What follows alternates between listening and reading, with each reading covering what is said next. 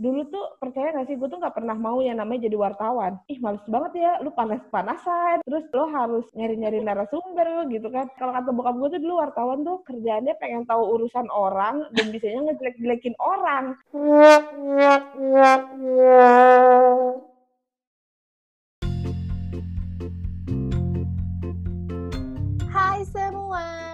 apa kabarnya? Satu minggu telah berlalu ya guys. Ketemu lagi sama Jubaida dan Maimuna. Asik. Podcast Jubaida dan Maimuna. Oke, kali ini kita punya satu narasumber yang nggak kalah kece, nggak kalah menarik buat kita kulik. Kali ini siapa dia ini seorang wartawan, jurnalis guys, Yeah. yang biasa kepo, yang beda ya, yang biasa kepo. Sekarang kita kepoin balik gitu loh. Kita tanya-tanya balik nih. Kira-kira seorang wartawan, seorang tukang tanya ini bisa jawab gak sih pertanyaan-pertanyaan kita gitu ya? Mari kita buktikan ya Maimunah hari ini. Betul, mari kita buktikan ya Jubaida. Oke, ada siapa di sini? Boleh langsung perkenalannya? halo Mbak yang semuanya Halo. halo semuanya halo Jubeda halo Memuna Hai. ada Hana di sini Caela Cahela, ada siapa di sana? Nama gue Hana, gue tuh apa ya bisa dibilang jurnalis dari tahun 2000 2014 sampai sekarang. Dan 6 tahun jadi jadi wartawan udah ngeliput di beberapa kota di Indonesia di Jakarta sama pernah ke luar negeri sekali doang tapi Dulu kuliahnya apa nih Hana? Sastra ya Dulu- dengar-dengar. yoi sastra Rusia Unpad 2009 Tapi Ah, kalau ya- kalau sastra itu kalau di bahasa Inggrisin jadinya em, letter letter Russian letter Russian letter. Russian letter. Berat ya. Bach- Bachelor of Humanities. humanities Masuknya. Heeh, Jadi pas pas udah udah lulus gelarnya jadi apa tuh?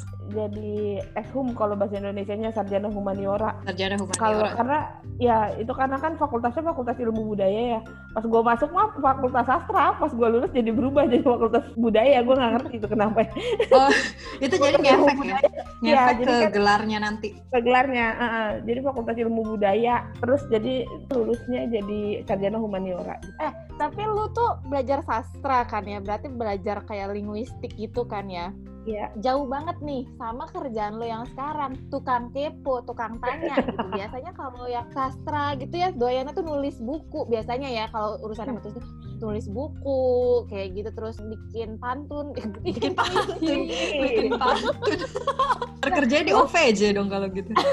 Nah lu nih masih sih bidang tulis menulis tapi ke jurnalistik gitu. Emang ada hubungan apa gitu si Rusia ini masih jurnalistik ini ada hubungan apa? sebenarnya sih nggak melenceng banget ya kalau dari sastra karena anak sastra itu selain lu berkarir di bank lu tuh pasti ujungnya jadi wartawan. Itu kalau lu berkarir di bank kan lebih melenceng lagi. Tapi kalau wartawan itu sebenarnya nggak melenceng karena gua ada mata kuliah bahasa Rusia jurnalistik. Itu 3 SKS nah Oke. kita tuh di situ nge ngebedah gitu deh dari koran majalah terus kayak berita Rusia gitu. Nah kita komentarin tuh. Di situ sebenarnya lebih ke komentar berita. Tapi ada beberapa kali mata kuliah yang gua harus nulis berita jadi kayak gue nonton berita Rusia di video terus gua tulis ulang lah gitu intinya gitu in Russian ya bukan bahasa Indonesia tapi waktu dulu waktu belajar sih Ya. sebenarnya gitu Kalau gitu Jubaira mau nanya nih sekarang, eh, dulu tuh kenapa sih bisa kesampaian kepikiran tuh mau masuk sastra Rusia gitu? Padahal kayaknya di Indonesia tuh kayak buku-buku Rusia itu jarang kan? Dari mana Nggak sih ada. kamu kepikiran bisa pengen ambil Rusia? kepikirannya sebenarnya sih dulu tuh awalnya pengennya universitas negeri intinya itu. Terus negeri gue apa ya yang kira-kira bisa gue dapetin? Oh sastra. SMA tuh IPA sebenarnya. Terus kalau IPA jurusannya cuma pengen kedokteran terus kalau kedokteran kayak ketinggian kan. Terus ah, udahlah gue Bismillah ya gue dapat negeri gitu. Gue pilih deh tuh sastra. Kenapa sastra Rusia? Karena Rusia itu salah satu bahasa PBB dan yang diminta sama Kementerian Luar Negeri. Kalau gue milih HI ketinggian juga gitu.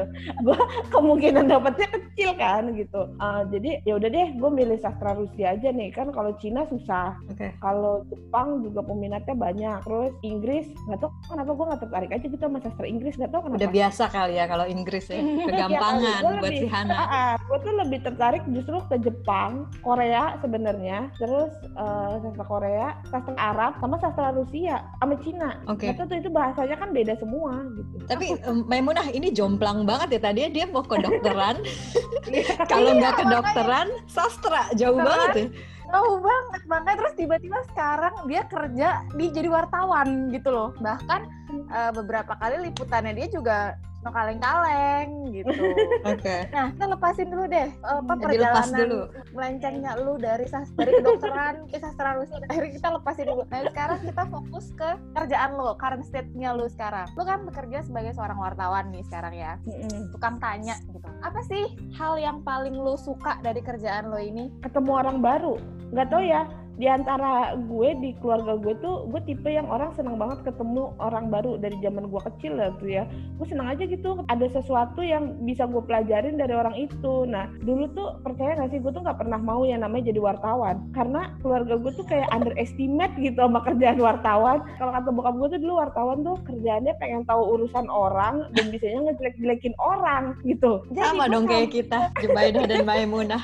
sampai koran. semester 7 deh kalau nggak salah apa semester 6 gitu gue masih nggak kepikiran walaupun gue punya temen yang emang dia obses banget pengen jadi wartawan kan dan dia anak komunikasi gitu. Gue dengerin cerita-cerita dia magang gue kayak nggak tertarik aja gitu. Ih males banget ya lu panas-panasan gitu terus lo harus nyari-nyari narasumber gitu kan. Itu gue Hmm. beneran nggak pernah nggak pernah kepikiran sampai pada akhirnya setelah gue lulus gue sempat kerja di kantoran dan gue kayak duh gue males banget ya di, di belakang meja. Ketak ketik ketak ketik nggak jelas lah pokoknya gitu kan kayak aduh dulu tuh karena rumah gue jauh ya gue berangkat kerja tuh jam 5 pagi. Gue nyampe rumahnya lagi tuh setengah 8 malam gitu. Sampai akhirnya adalah satu peluang buat jadi wartawan ah gue nyoba deh nyari-nyari gitu. Terus pertama tuh di SWA. Gue nggak tahu dah tuh media SWA tuh media apa gue nggak tahu. Sama sekali gue nggak tahu deh pokoknya gue cuma baca oh ekonomi oh ya udahlah nggak apa-apa uh, belajar baru gitu kan. Itu prosesnya cepet banget kayak cuma dua minggu apa seminggu gitu. Tiba-tiba gue dipanggil wawancara tes sana tes sini atau gue langsung di offering gaji. Yang gajinya lebih gede dari gaji gue pas di office. Ya gue langsung tanda tangan iya? dong. Gue nggak mikir panjang tuh di situ. Ya. dan di situlah karir wartawan gue pertama kali dimulai. Nah, di SWA ini tuh koran atau online atau Jadi kalau boleh Maimunah tambahin nih ya, siswa ini majalah, majalah ekonomi. Jadi emang spesifik dan cukup uh, bonafit sih kalau untuk di kalangan bisnis gitu ya. Mereka uh, biasanya tuh larinya ke SWA lah. Belum kece jadi bisnis kalau belum masuk majalah SWA gitu. Betul. Berarti waktu itu bangga banget ya bisa masuk ke SWA gitu. Sejujurnya enggak karena gue nggak tahu. iya karena gue teman-teman gue kan yang udah pada kerja, wah medianya ini, TV ini, TV ini. Nah gue tuh pernah apply di TV, TV yang itu loh, yang dulu tempatnya Wisnu Tama tuh. gue tuh dipanggil sampai wawancara, cuma karena gue dulu nggak tertarik gitu ya sama dunia jurnalistik, akhirnya gue milih yang office itu. Nah tapi kayak gue ngeliat tuh TV kan keren banget ya di masa itu ya, wah gila anak muda banget gitu. Sedangkan gue kerja di majalah yang bapak-bapak banget gitu kan. Tapi bener nggak di dalam kantornya apakah isinya bapak-bapak atau malah banyakan cewek? Bapak-bapak isinya. Berarti bener. Terus kayak teman gue liputan ketemu artis, gue yang ketemunya, aduh ini pengusaha sape gitu kan ya gue tak kenal gue kayak gitu. Tapi nggak tahu kenapa ya, tapi gue ngerasa karir pertama gue di SUA itu justru yang bikin gue itu bisa berlanjut ke tempat lain gitu. Karena gue di Oke. situ belajar banyak banget dan awalnya kan emang bisnis banget ekonomi banget tapi lama-lama tuh dikasih kayak liputan-liputannya tuh yang kayak menjurusnya ke lifestyle gitu. Tapi tetap gue bahasnya bisnisnya bukan bahas lifestyle jadi kayak Hmm. ada dokter buka klinik gue bukan nanya oh lu perawatannya ini gitu enggak gue nanyanya yang kayak dok target marketnya siapa harga perawatannya berapa lebih yang kayak gitu sih Kalau buat orang awam kayak Jubaidah ini masih nggak ngerti. Jadi kalau lu ngelamarnya sebagai reporter ya atau wartawan tadi. Nah, reporter sih. Jadi biasanya eh, spesifik reporter karena kan reporter tuh jabatan, jabatan paling rendah dalam suatu media. Ya enggak, Maimunah? iya itu Jadi sebelum jadi reporter ada calon reporter itu paling rendah lagi sih. Oh, di bawah iya, di bawah calon lebih reporter. Jadi calon reporter dulu, kita biasanya setahun, baru setelah setahun kalau misalnya kinerja kita oke, baru kita diangkat jadi reporter kayak gitu. Kalau anak magang lokasinya ada di mana tuh? di bawahnya bawahnya calon- lagi. Coba coba diceritain Hana. Kerjaannya apa aja kalau jadi reporter? Hmm, Serunya kalau itu jadi gimana? tuh serunya waktu gue di SUA kan setelah SUA gue pindah ke Sindo dari Sindo gue pindah ke Liputan 6 gitu kan nah terus kalau itu tuh kerjaannya sebenarnya semua sama. Tinggal isu apa yang lagi diangkat gitu. Kayak gue di SUA kan fokusnya ke sektor real yang kecil-kecil gitu. Real, consumer good yang gitu-gitu. Lebih ke bisnis sih. Karena kalau SUA itu bukan kayak media lain yang kalau misal oh ini viral harus dinaikin. Nggak gitu. Dia bener-bener fokus di core-nya deh. Dia bisnis banget. Jadi kayak ya how to do a business gitu. Nah gue pindah tuh setelah satu tahun di SUA gue pindah ke Sindo. Ih gue Hmm. bangga deh tuh ya MNC the largest Southeast Asian media itu. Nah di situ tuh gue belajar banyak banget. Karena gue per tiga bulan gue di rolling. Tiga bulan pertama gue masih megang consumer good. Karena kan lanjutan dari SUA kan. Terus tiga bulan kedua tuh gue dipindahin tuh ke perbankan. Ya nggak? Gue ketemu sama si Memunah nih pertama kali nih. Pas gue ke perbankan. Itu gue belajar perbankan tuh ya tiga bulan. Terus terakhir tuh enam bulan terakhir gue di politik. Aduh najis banget deh. Itu paling gak enak tuh dari politik uh, ke nasional dan investigasi sebenarnya lebih seru tuh itu investigasi Kar- karena kalau lu pindah ke investigasi lu kayak lu tuh berguna buat negara gitu ya pokoknya gitulah nah setelah dari Sindo satu dan lain hal saya akhirnya resign dari Sindo saya pindah ke liputan nah Sebentar, sebentar Hana. Kayaknya gue tahu nih kenapa lu pindah-pindah. Lu dikasih tugas bos lu buat wawancara si A, lu malah wawancara reporter satunya. Eh bang, kerja di mana bang? Enak gak kantornya bang? Pindah emang, dia. emang begitu Kayaknya emang enak begitu kerja di kantor lu. Iya, emang begitu. Ketika lo ketemu wartawan lain, eh tempatnya ada lowongan nggak? Pasti gitu deh. Kan begitu Maimunah ya? Karena sebenarnya nilai plus lo kerja jadi wartawan adalah koneksi lu tuh gampang banget. Lo bisa koneksi dari mulai sesama wartawan, anak sekolahan, koneksi sama pejabat. Wah itu yang udah kalau koneksi sama pejabat, lu minta, "Eh, jadi ini off the record gue nggak enak soalnya banyak. Pokoknya kalau udah ada koneksi sama pejabat, gitu-gitu deh. Pokoknya sama CEO gitu, itu enak banget sih sebenarnya. Kalau Tapi emang wartawan. pejabat mau punya koneksi sama wartawan? Oh itu mau banget, mereka Oh, tuh iya, mau iya. banget. Nah sebenarnya kalau gue mau cerita paling seru adalah ketika gue pindah ke liputan 6 Oke. Nanti itu gue kayak menemukan jati diri gue ses- sesungguhnya waktu gue di liputan 6 Tunggu tunggu tunggu. Gue ini merasakan lu tuh kayak ombak nih si kayak ombak Jubaida. Wow, dia ini sebenarnya udah kalau ditanya soal bisnis dia pasti bisa jawab, ditanya soal rumah tangga Aldi Taher mungkin dia juga bisa jawab. Ya, ya, ya emang Jadi kayak ya? ombak gitu dia tuh ke mana-mana. Iya sih, karena pada dasarnya gue suka sesuatu yang baru ya, walaupun kadang-kadang gue nggak bisa melewati sesuatu yang baru itu gitu.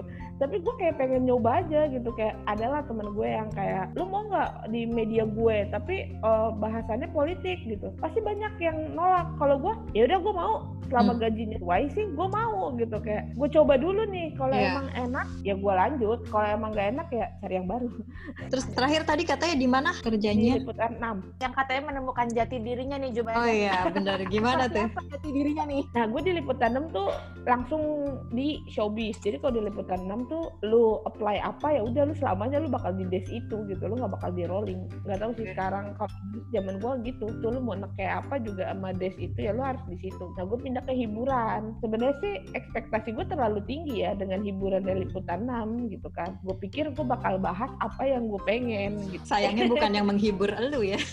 Iya, nah sebenarnya ada sih kayak 50-50 lah, 50-50 gue bisa melampiaskan jiwa fangirling gue yang 50% lagi gue harus menjalankan apa yang perusahaan inginkan gitu. Tapi yang di liputan 6 ini sih gue maksudnya kayak gue banyak banget belajar. Gue belajar karena waktu gue di SUA sama di Sindo itu kan gue 50-50 50% di kantor 50% di luar. Nah kalau di liputan 6 nih gue full di luar. Gue bener-bener kayak wartawan yang lu nggak punya kantor ya udah dah tuh lu ngetik di mana? Selama lu nggak kehujanan lu nggak ka- nggak kepanasan lu ngetik aja di situ. Dan gue pas di liputan 6 itu gue pertama kali gue kerja pakai handphone. Bener-bener Oke. gue ngetiknya di handphone. Nggak nggak nggak pernah ngetik. Sampai gue lupa cara ngetik di laptop tuh kayak apa gitu. Beneran itu itu parah banget waktu di liputan 6 Dari kantor nggak dikasih, nggak difasilitasin laptop gitu ya? Atau iPad enggak gitu? enggak dikasih. Itu enggak ada itu. Pas di liputan 6 ini kan gue hiburan. Terus liputannya tuh dari gosip artis artis meninggal. Itu epic sih. Gue artis meninggal tuh kayak gue datang ke pemakaman orang yang bahkan gue nggak tahu dia aja Iya. tahu gue juga kagak gitu itu gue itu terus gue datang ke sidang perceraiannya artis gitu Oh kan. Iya itu bener-bener gue jadi tahu oh di pengadilan agama. Nah terus gue juga ikut sidangnya artis yang kena narkoba. Gue di dalam ruang sidang gue kayak oh my god gue pertama kali ya gue di gue di ruang sidang gitu. Oh ruang sidang tuh begini ternyata dan gue pikir tuh sidang kayak sehari oh si A nih mau disidang gitu. Oh enggak ternyata enggak. Itu tuh antri. Jadi kayak oh ini si ini dulu nih 15 menit sidang.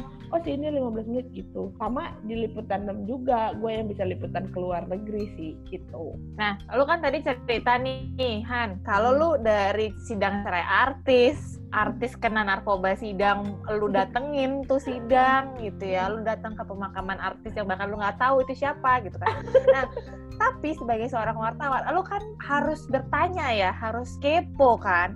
Nah, tapi ada kalanya itu orang-orang yang nggak nggak cuma artis ya, misalnya pejabat siapa atau uh, pebisnis siapa yang lu temuin itu kadang nggak mau nggak mau diwawancara atau dia mau diwawancara tapi nggak mau ngomong gitu kayak wat- template lah jawabannya iya seperti Iya. itulah mbak. Nah, lu sebagai seorang wartawan gimana nih caranya lu ngulik supaya mereka mau ngomong? kalau pejabat atau pengusaha itu lebih enak karena kayak misalnya gue nyebut aja nih pak pencapaian sekarang ini ini ini ini ini, dia jawab iya. Ya udah berarti itu kan jawaban. Nah beda kasus kalau lu wawancara artis. Kalau lu wawancara artis lo itu akan menghadapi sebuah momen paling mengesalkan dalam hidup gitu tau gak sih? Jadi kayak gue tuh sekarang kalau gue liat tuh artis di TV sumpah gue benci banget.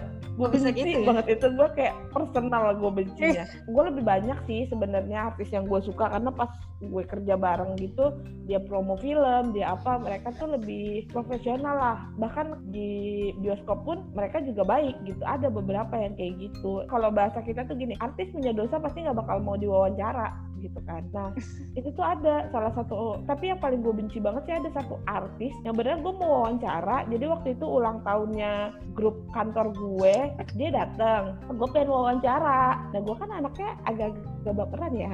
Mbak aku mau wawancara dong sebentar gitu. Dia diem aja nih. Gue nggak boleh dong gue nggak boleh patah semangat. Oh gue samperin. Hmm. mbak kemarin dengar dengar abis buka bisnis baru ya gitu. Baik baikin dulu nih kalau artis. Lu eh, diangkat dulu dah tuh derajatnya dia terus yuk eh, ya udah eh, dia masih diem aja. Terus sampai akhirnya dia lagi duduk main handphone gue di sebelahnya. Mbak boleh aku wawancara nggak? Enggak. Terus gue jawabnya gini dengan ada yang sama nih ya gue jawabnya gini oh ya udah kalau nggak mau diwawancara. Gue gitu gue pernah ada.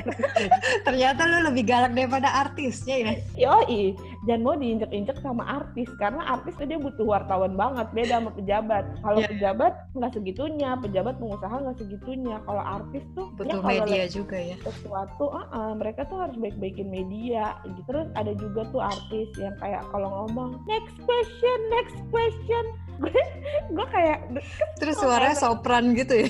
iya iya benar Eh, sebut aja ya inisialnya Raisa nih gue sebel banget. Ini inisial. Jadi ini momen yang paling gue suka selama gue jadi wartawan hiburan adalah ketika gue wawancara dia. Itu gue senang karena gue bisa menjatuhkan dia sih di depan wartawan. Itu beneran jadi tuh dia uh, ada tuh acara kayak acara startup startup gitu deh Idea Fest nah dia tuh salah satu pembi- pembicara terus ada yang nanya mau bikin album baru ya terus gitu rencananya sih gitu dia jawabnya gitu terus ada bilang oh ada ada rencana duet nggak sama sama suami? Kan dia waktu itu baru-baru nikah tuh sama Hamis Daud. Habis gitu eh dia nggak mau jawab. Maksud gue ada loh artis yang kayak lu mau duet nggak? Tapi dia nggak mau jawab masalah rumah tangga pasti dia jawabnya gini ah nggak tahu deh tar dulu atau apa ini nggak kayak dengan muka sombongnya dia gitu dia next question gitu. Hmm, gue dong maju di situ. Jadi tuh dia kayak ngebangga banggain gue dari awal gue produce lagu sendiri gue produce album sendiri kata dia Hmm. gitu kan. Dia bilang gitu. Ya gue nggak tahu lah itu ada uang pangsit dari mana? Gue nanya dong lu dari awal udah produce album sendiri produce lagu sendiri emang kenapa nggak ada record label yang mau nerima suara lo ya? Gue nanya dong. Astaga. Nanya dong. Terus kayak semua wartawan yang ada di situ wah gila sih Hana nanyanya. Eh gue nanya. Eh kan gue nanya bener kan? Maksudnya dia kan emang udah terkenal banget kan sering cover cover YouTube. Maksud gue ya pasti kan adalah record label yang mau nerima dia kenapa dia harus sendiri? Dia jawab dengan diplomatisnya gitu deh pokoknya. Eh, Kalau- terus nih, terus nih, kalau lu nih kan lu udah menjalani banyak topik liputan gitu, lu dari ekonomi, terus ke nasional, ke politik tadi, terus juga ke lifestyle. Lu setuju gak sih kalau misalnya wartawan itu memang harus pinter gitu loh, harus tahu ke mana dia ditempatkan, iya gak sih? Ya, gue setuju sih sama itu. Tapi pada kenyataannya di lapangan nggak kayak gitu. Gue kan sering kayak ngobrol sama kakak gue gitu. Misalnya kayak ada isu apa, terus gue nggak tahu. Dia tuh pasti yang gini. Ah lu wartawan masa lu nggak tahu sih? Dia pasti selalu yang gitu. Jadi kayak, Ah, ah, jadi tuh kayak sebenarnya kalau dibilang pinter sih enggak. Tapi lu tuh berwawasan luas lah. Jadi lu nggak mengkotakkan diri lo. Karena kalau lu jadi wartawan, lu mengkotakkan diri lo, bakal yang ada lu cengok di lapangan. Dan gue pernah merasakan momen itu gitu. Ketika orang wawancara Edward Akbar, mhm. pasti kalian nggak tahu kan Edward Akbar Nah, gue Nggak tahu. gua- dia tuh keponakannya Tamara Brzezinski nah waktu awal tuh orang nanya oh, gimana hubungannya sama pacarnya gini gini gini gini gue naruh aja rekaman rekaman di situ karena gue tahu nih oh ini banyak wartawan yang ini berarti dia page view-nya tinggi gitu. Karena kan gue kan di online kan. Terus setelah gue mau transkrip tuh berita gue nanya sama sebelah gue eh dia siapa sih? Pacarnya siapa? Gitu. Gue gak ngerti gitu. Jadi intinya lo kalau jadi wartawan tuh bahkan lo wartawan hiburan sekalipun lo harus tahu tentang gosip Iya. pejabat. Karena ada ada masanya lo di acara terus si pejabat itu suruh ngomong kan jadi keynote speech atau gimana lo harus tahu gitu apa kayak kaitannya ke dia ke siapa gitu-gitu ya Mm-mm, jadi lo harus berwawasan sih Jack. Oke, tapi kalau sebelum lo ngewawancarain satu orang, emang nggak dikasih waktu dulu buat mempelajari orang itu? Eh, sebenarnya cuma dikasih plotting sih kayak misalnya hari ini gue harus datang ke pengadilan agama Aldi Taher eh, cerai gitu Mhm. ya udah cuma dikasih tuh gitu doang terus abis Oh, itu oke. ya cari-cari sendiri aja sih biasanya Itu tiap pagi lo dikasih tugas itu tiap pagi atau udah dari Iya. beberapa hari sebelumnya gitu? kalau online setiap pagi karena kan setiap hari kan beda-beda kan. Terus abis lu ngewawancarain, terus lu rekam sampai balik ke kantor, lu harus nulis berita itu. iya kalau online tuh gitu. Maksimal tuh satu jam setelah acara lo harus udah ngirim berita. Kalau di hiburan ya misalnya lo datang ke peluncuran produk apa terus di situ ada artis terus lo nulis tentang peluncuran produknya itu nggak bakal diterima sama editor lo karena editor lo tuh mintanya isu hiburan. Nah itu juga berlaku sama kayak kalau lo di politik. Kalau misalnya ada anggota DPR lo datang ke acara itu terus lo pasti kan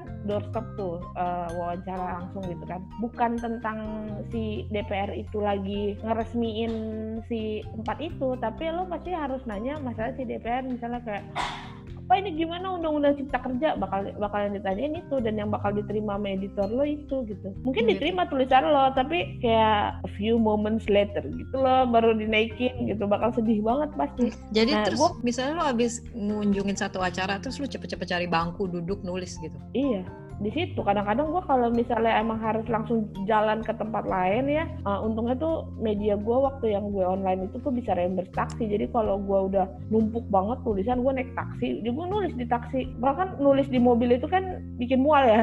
Iya. Terus tahan-tahan aja dah tuh. Itu juga berlaku kalau lu nonton konser. Kayak lu nonton konser idola lo, tapi lu liputan, itu lu nggak bakal merasakan kebahagiaan sebagai fan girl. Karena setelahnya, aduh gue harus nulis gitu. Iya, Tapi benar-benar. gue juga dulu kan pernah juga bekerja seperti Mbak Hana ya. Jubedah ya. Jadi gue merasakan juga kebodohan itu gitu. Jadi gue pernah. Jadi gue juga pernah datang di satu acara gitu dan kebetulan gue media gue media ekonomi. Jadi which is kebanyakan gue liputannya berkaitan sama eh, regulator, sama eh, pebisnis kayak gitu kan, sama UMKM, sama yang urusannya sama bisnis dan ekonomi lah. Hmm. Which is suatu hari gue liputannya lifestyle. Gue salah mengira. Jadi waktu itu gue eh, datang ke sebuah konser. Gue lupa kalau nggak YouTube Fanfest, eh, Spotify on Stage. Gue salah mengira Ricky Febrian itu adalah Rich Brian. itu juga gue pernah tuh kayak gitu jadi gue nggak kenal artisnya eh dia siapa ya gue gitu Iya, itu karena ya gue ya bener tadi harus harus berwawasan luas ya. Jadi waktu si Iki ini keluar kan heboh tuh. Gue pikir wah Hmm. jangan-jangan ini nih Rich Brian gitu. Pas gue nanya sama wartawan sebelah gue, Mas, Mas, ini Rich Brian, Mas. Bukan, ini Iki. Iki teh saha? Gue bilang, "Ini siapa? Gitu. Ricky Febrian, anaknya Sule. Kata, oh ya maaf. Karena kan posisi gue, posisi gue eh, jauh dari panggung. Gue jadi nggak bisa ngelihat bener. Pokoknya kalau siapa, gue pikir ini Rich Brian karena udah sorak-sorak bahana gitu.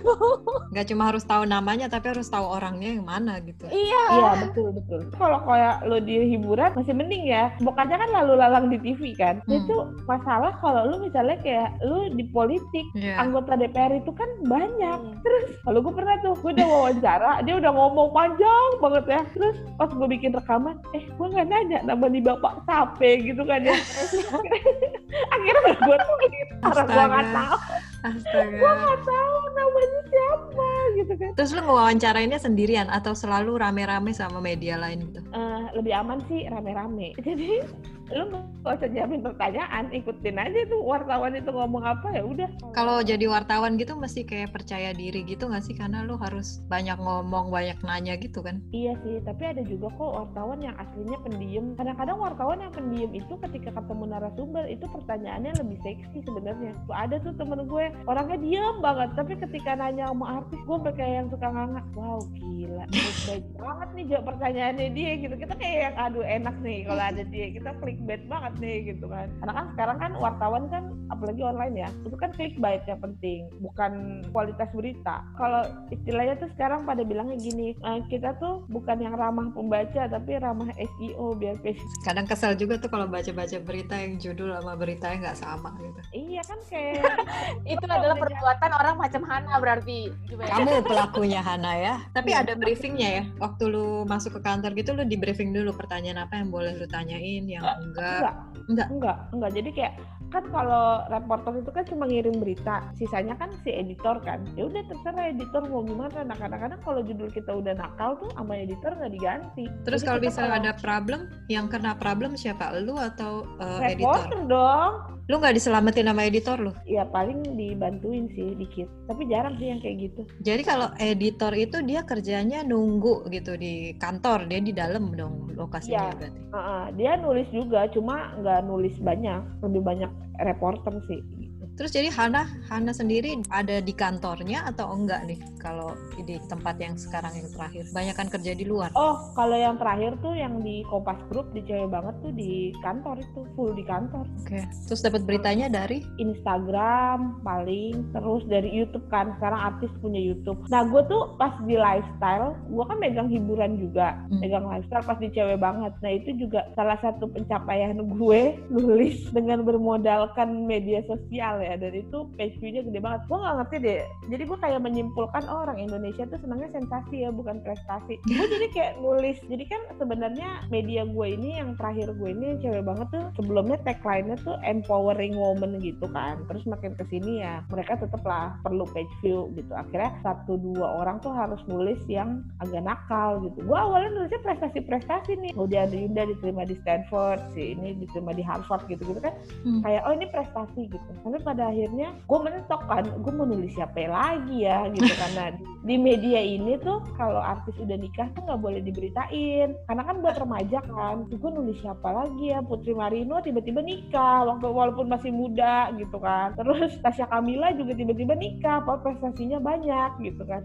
Day gue kayak lihat dari media asing wawancaranya Zain Malik. Nah Zain Malik di situ tuh ngomongin soal agama. Nah dia ngomong tuh, lo kan tuh orang Indonesia ya. Kalau udah soal agama tuh, eh cicingnya banget. Gue bikin deh tuh judul Zain Malik mengaku dirinya bukan Islam. Nah itu gue cuma emang emang ngambil quotes-nya dari si Zain Malik di wawancara itu dia bilang I'm not a Muslim dia bilang gitu kan di wawancara itu. Ya udah gue bikin judulnya kayak gitu. Itu tulisan katanya sih itu page view terbaik sepanjang masa di cewek banget tuh berarti. Gue Wow. oh my god gue bilang ini kan gue cuma ngeliat dari translate doang gitu kan. Berarti lu jeli ya. Bener. Mata lu tuh jeli gitu ngelihat mana yang bagus buat media Indonesia gitu maksudnya. Kalau lo kerja di online lo harus gitu. Oke. Seperti biasa. Aku mau bertanya, setelah enam tahun kerja sebagai wartawan, eh, gimana nih gajinya? Sebanding nggak dengan pengorbanan yang sudah dilakukan oleh Hana? Tidak, tidak, Tidak ya? tidak, tidak banget. Makanya gue selalu ngomong sama orang-orang kayak kalau ngelihat gue nih, adalah beberapa gitu kayak eh, anak-anak muda ya yang masih remaja gitu, eh, anak kuliahan. Ah, aku mau deh kayak Kak Hana jadi jadi wartawan, bisa liputan K-pop, bisa ketemu artis, foto sama artis gitu. Terus gue selalu jawab, jangan jadi wartawan lo gak bisa kaya kata gue gitu. Ada tips Karena ya? kecil. Jadi gimana dong Han supaya bisa naik ke step yang lebih tinggi tanpa meninggalkan bidang itu? Kalau misalnya lo emang suka banget sama bidang reporter, gimana caranya supaya bisa naik ke yang lebih tinggi? gitu? Sebenarnya sih kalau lo mau jadi editor atau kan jadi kan level wartawan, reporter, editor, senior editor, redaktur ya. Kalau lo mau naik-naik gitu, kalau untuk wartawan ya biasanya nggak dilihat kinerja sih, bukan kinerja lo yang dilihat. Kalau di tempat. Gue dulu ada KPI-nya. Lu dalam jangka waktu setahun, lu udah harus bisa nulis berapa berita nih. Kalau gue dulu gitu. Terus kalau dulu gue punya namanya list narasumber. Jadi dulu dalam setahun lu harus punya bank narasumber. Itu ada, kita ada KPI untuk mengumpulkan data narasumber juga. Eh, tujuannya apa? Tujuannya supaya emang tadi yang balik lagi yang kayak Hana bilang, supaya kita itu koneksinya luas gitu kan. Jadi sewaktu-waktu nih, misalnya kita butuh konfirmasi isu apa.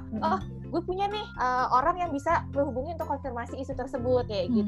Jadi ya memang kalau di tempat gue dulu KPI-nya itu adalah berapa banyak tulisan lo yang masing-masing tulisan juga ada standarnya kalau di gue. Lo Hmm. harus berapa kata, berapa karakter itu ada. Nah dalam setahun lo akan direview oleh uh, redaktur lo gitu kan, Hmm. atasan lo lah istilahnya. Redaktur lo direview, oh uh, tulisan lo uh, udah oke atau tulisan lo masih kurang. Nah biasanya kalau misalnya masih dirasa kurang, itu akan ada perpanjangan masa reporter. Jadi kalau biasanya setahun udah diangkat jadi reporter. Nah, kalau di tempat gue dulu bisa satu setengah sampai dua tahun kalau memang dia dirasa masih kurang kayak Hmm. gitu. Nah, kalau dua tahun udah dirasa nggak berkembang nih anak, dikat biasanya kalau di tempat gue dulu. Aduh, gue nggak ngerti ya kalau di media lain tapi kalau di media-media yang pernah gue kerja itu nggak kayak gitu. Mereka tuh ya kalau jabatan itu kosong ya mungkin lo bisa naik. Kalau jabatan itu nggak kosong ya lo nggak bisa naik gitu. Intinya kayak gitu lebih ke Iya. banyak kan tuh like and dislike sih sebenarnya. Karena ada loh yang nggak capable buat jadi editor dia diangkat jadi editor karena atasan lo suka gitu. Malah yang capable jadi editor itu nggak diangkat jadi editor karena atasan lo nggak suka ya ada juga yang kayak gitu sebenarnya. Cuma ya balik lagi sih tergantung dari pribadi orang masing-masing gitu. Dulu uh, Jubaida tuh bilang ini, lu kalau mau kerja itu pilihannya cuma dua. Lu Hmm. pilih ilmunya tapi nggak punya duit, ya, atau lu pilih duit tapi nggak punya ilmu. ya. Nah kebetulan, kebetulan kalau jadi wartawan menurut eh, Maimuna dulu, wah lu bisa dapetin ilmunya nih, koneksi lu juga bagus gitu kan. Ya banyak lah kesempatan-kesempatan yang mungkin nggak lu dapetin ketika lu di pekerjaan lain kayak gitu. Ya, Ya udah, gue nikmatin aja sampai pada tahap gue ngerasa wah gue nggak bisa nih catering buat kawinan naik. Betul. Harus menghadapi kenyataan ya pada akhirnya. ya harus realistis juga sih. Jadi ketika wah udah cukup nih gue eh, dapetin ilmunya, sekarang gue cari duitnya deh kayak gitu. Nah, iya benar-benar. Bener sih, harusnya kayak gitu. Kalau kita wartawan, apalagi wartawan lapangan ya, bisa loh kita keluar rumah jam 9, terus jam 12 lah, jam 1, udah bisa pulang ke rumah. Itu tuh enak banget bisa kayak gitu. Dulu aja waktu zaman-zaman gue masih di hiburan tuh, gue pernah keluar rumah jam 3 sore, gue balik ke rumah jam 3 pagi gitu. Wah. Kan karena nggak ada waktunya. Terus gue pernah habis dinas luar negeri, balik tuh Jumat dini hari, Jumat sorenya, gue udah dikasih liputan lagi. Oke. Gitu. Bisa sempat jalan-jalan ke luar negeri juga ya jadinya ya. Iya. Atau ngeliput ya. Sempat ke mana kerja waktu itu? tapi kerja. kerja sambil jalan-jalan bukan jalan-jalan sambil kerja Sempat Korea. ke mana? Ngeliput ini artis Korea jadinya. iya Asia Song Festival 2017 itu Terus- terbaik sih Terus gimana Han? Hana udah enam tahun. Nyesel nggak sih jadi reporter atau masih mau lanjut terus nih? Kalau dibilang nyesel sempat nyesel. Karena gue ada ada ada masa tuh kayak gue pengen kerja di kantor deh gue pengen kerja kayak orang-orang gitu yang berangkat pagi pulang sore gitu kayak sempet yang kayak gitu. Cuma kalau sekarang ya udah sih lebih ke nikmatin aja. Oke, gimana? jadi eh, benar nih Hana, Mm-mm. saya tukang kepo yang bikin kita juga jadi kepo gitu. Sebenarnya kayak apa sih kerjaan wartawan gitu kan? Jubaida yang awalnya nggak tahu, oh ternyata wartawan itu bisa ikut sidang artis juga, terus bisa ke pemakaman artis, terus harus kerja dari jam 3 sore sampai jam 3 pagi juga kayak gitu kan. Jadi kerjaan wartawan itu sedinamis itu gitu ya. Tadi sama sih mungkin kayak Hana, dia bisa enam tahun betah jadi wartawan karena hidupnya dinamis. Dari kedokteran Hmm. pengen apa, masuknya majalah ekonomi tiba-tiba berakhir di lifestyle dan sekarang eh, masih fokus dengan eh, hiburannya dia ya di Iya, iya. lah di das hiburan kayak gitu. Jadi Mm. memang pekerjaan wartawan itu nggak yang kayak orang teknis gitu loh, Jubeda. Iya. Seorang wartawan itu pekerjaan yang dinamis, yang bahkan lu harus tahu lintas bidangnya kayak gitu. Lu Mm, harus tahu ekonomi, lu harus tahu hiburan, lu juga harus tahu misalnya katakanlah dia wartawan majalah apa sih rumah misalnya kayak gitu, dia juga harus tahu tentang interior dan eksterior, tentang Iya, betul. Nah, arsitek yang eh, tren rumah sekarang kayak apa. Jadi memang pekerjaan ini adalah pekerjaan yang dinamis kayak gitu.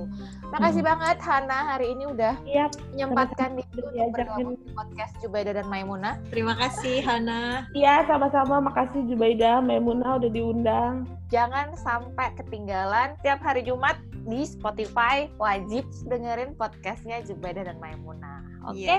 see you next time guys. Bye-bye. Bye. Makasih semuanya. Terima kasih. Ya.